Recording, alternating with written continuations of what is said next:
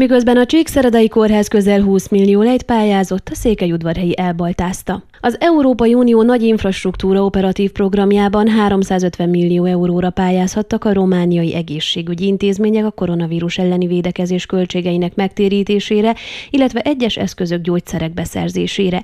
Többen éltek is a lehetőséggel. A Csíkszeredai megyei sürgősségi kórház eszközbeszerzése és védőfelszerelésekre közel 20 millió lejt kapott, a Sepsi-Szentgyörgyi Fogolyán Kristóf megyei sürgősségi kórház 14 millió lejt nyert, a Maros megyei tanácshoz tartozó Maros Maros megyei klinikai kórház 48 millió lejes támogatást kapott a fent említett alapból.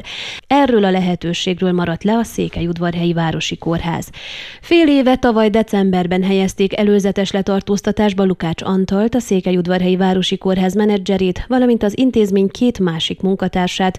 Abban az évben az egészségügyi intézmény vezető tanácsa utoljára májusban ült össze. Tudomásom szerint a Székelyudvarhelyi polgármesteri hivatal felhívta a menedzser figyelmét a pályázati lehetőség segítségre, a segítségüket is felajánlották, de ezt az igazgató nem fogadta el.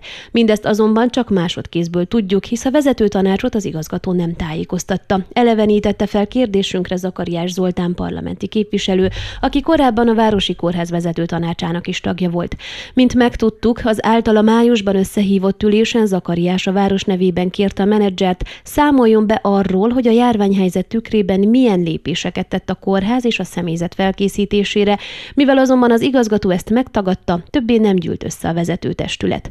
Az Akariás által elmondottakat Zörgő Noémi is megerősítette. A Székelyudvarhelyi polgármesteri hivatal sajtószóvivője elmondta, a városvezetés valóban jelezte még tavaly az igazgatónak a pályázati lehetőséget, felajánlva a polgármesteri apparátus segítségét, Lukács akkori elmondása szerint azonban megbízott egy pályázatíró szakcéget a feladattal. A folyamat további része már ködbe veszett. Az ügyről a kórház időközben ideiglenesen kinevezett menedzsere Borka Balázs Attila sem tudott bővebb információval szolgálni. Kifejtette, a 2020-as évről nem áll módjában információkkal szolgálni, hiszen az a felfüggesztett menedzser tevékenységéhez kötődik. A korábbi kórházmenedzser ígéretéhez híven valóban felvette a kapcsolatot egy pályázatíró szakcéggel. Erről a Csíkszeredai Planifikáció Kft. tavaly júniusban saját honlapján is beszámolt, akkor azt írták, segítik az udvarhelyi kórház COVID-19 beszerzéseit közbeszerzési tanácsadással, illetve a pályázat leadását is támogatják. A járvány egy teljesen újszerű helyzet elé állította a kórházakat, ezért ebbéli díjmentes segítségünket más intézménynek is felajánlottuk. Sőt, a pályázatírás kapcsán a Csíkszeredai megyei sürgősségi kórházat is megkerestük, ők Hargita megye tanácsának segítségével már összeállították a pályázatot. Székelyudvarhelyen viszont elkezdődött a közös munka mondta el lapunknak Csák László, a Csíkszeredai szakcég vezetője. Az eszközigény összeírása eleinte operatívan ment, tette hozzá, aztán a járvány fokozódása miatt vagy más okokból a pályázatot nem sikerült a leadási határidőig elkészíteni.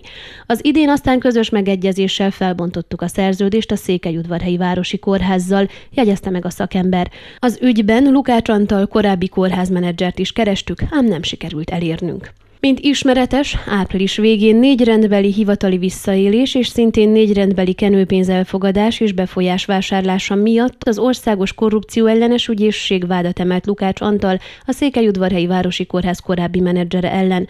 Az ügyben BE, a kórház közbeszerzéssel foglalkozó egységének munkatársa, és BL ellen is vádat emelt a DNA, utóbbi a bűncselekmények feltételezett elkövetésekor raktárosként dolgozott a Székelyudvarhelyi Kórházban. Ön a Székelyhon aktuális podcastjét hallgatta. Amennyiben nem akar lemaradni a régió életéről a jövőben sem, akkor iratkozzon fel a csatornára, vagy keresse podcast műsorainkat a székelyhon.pro portálon.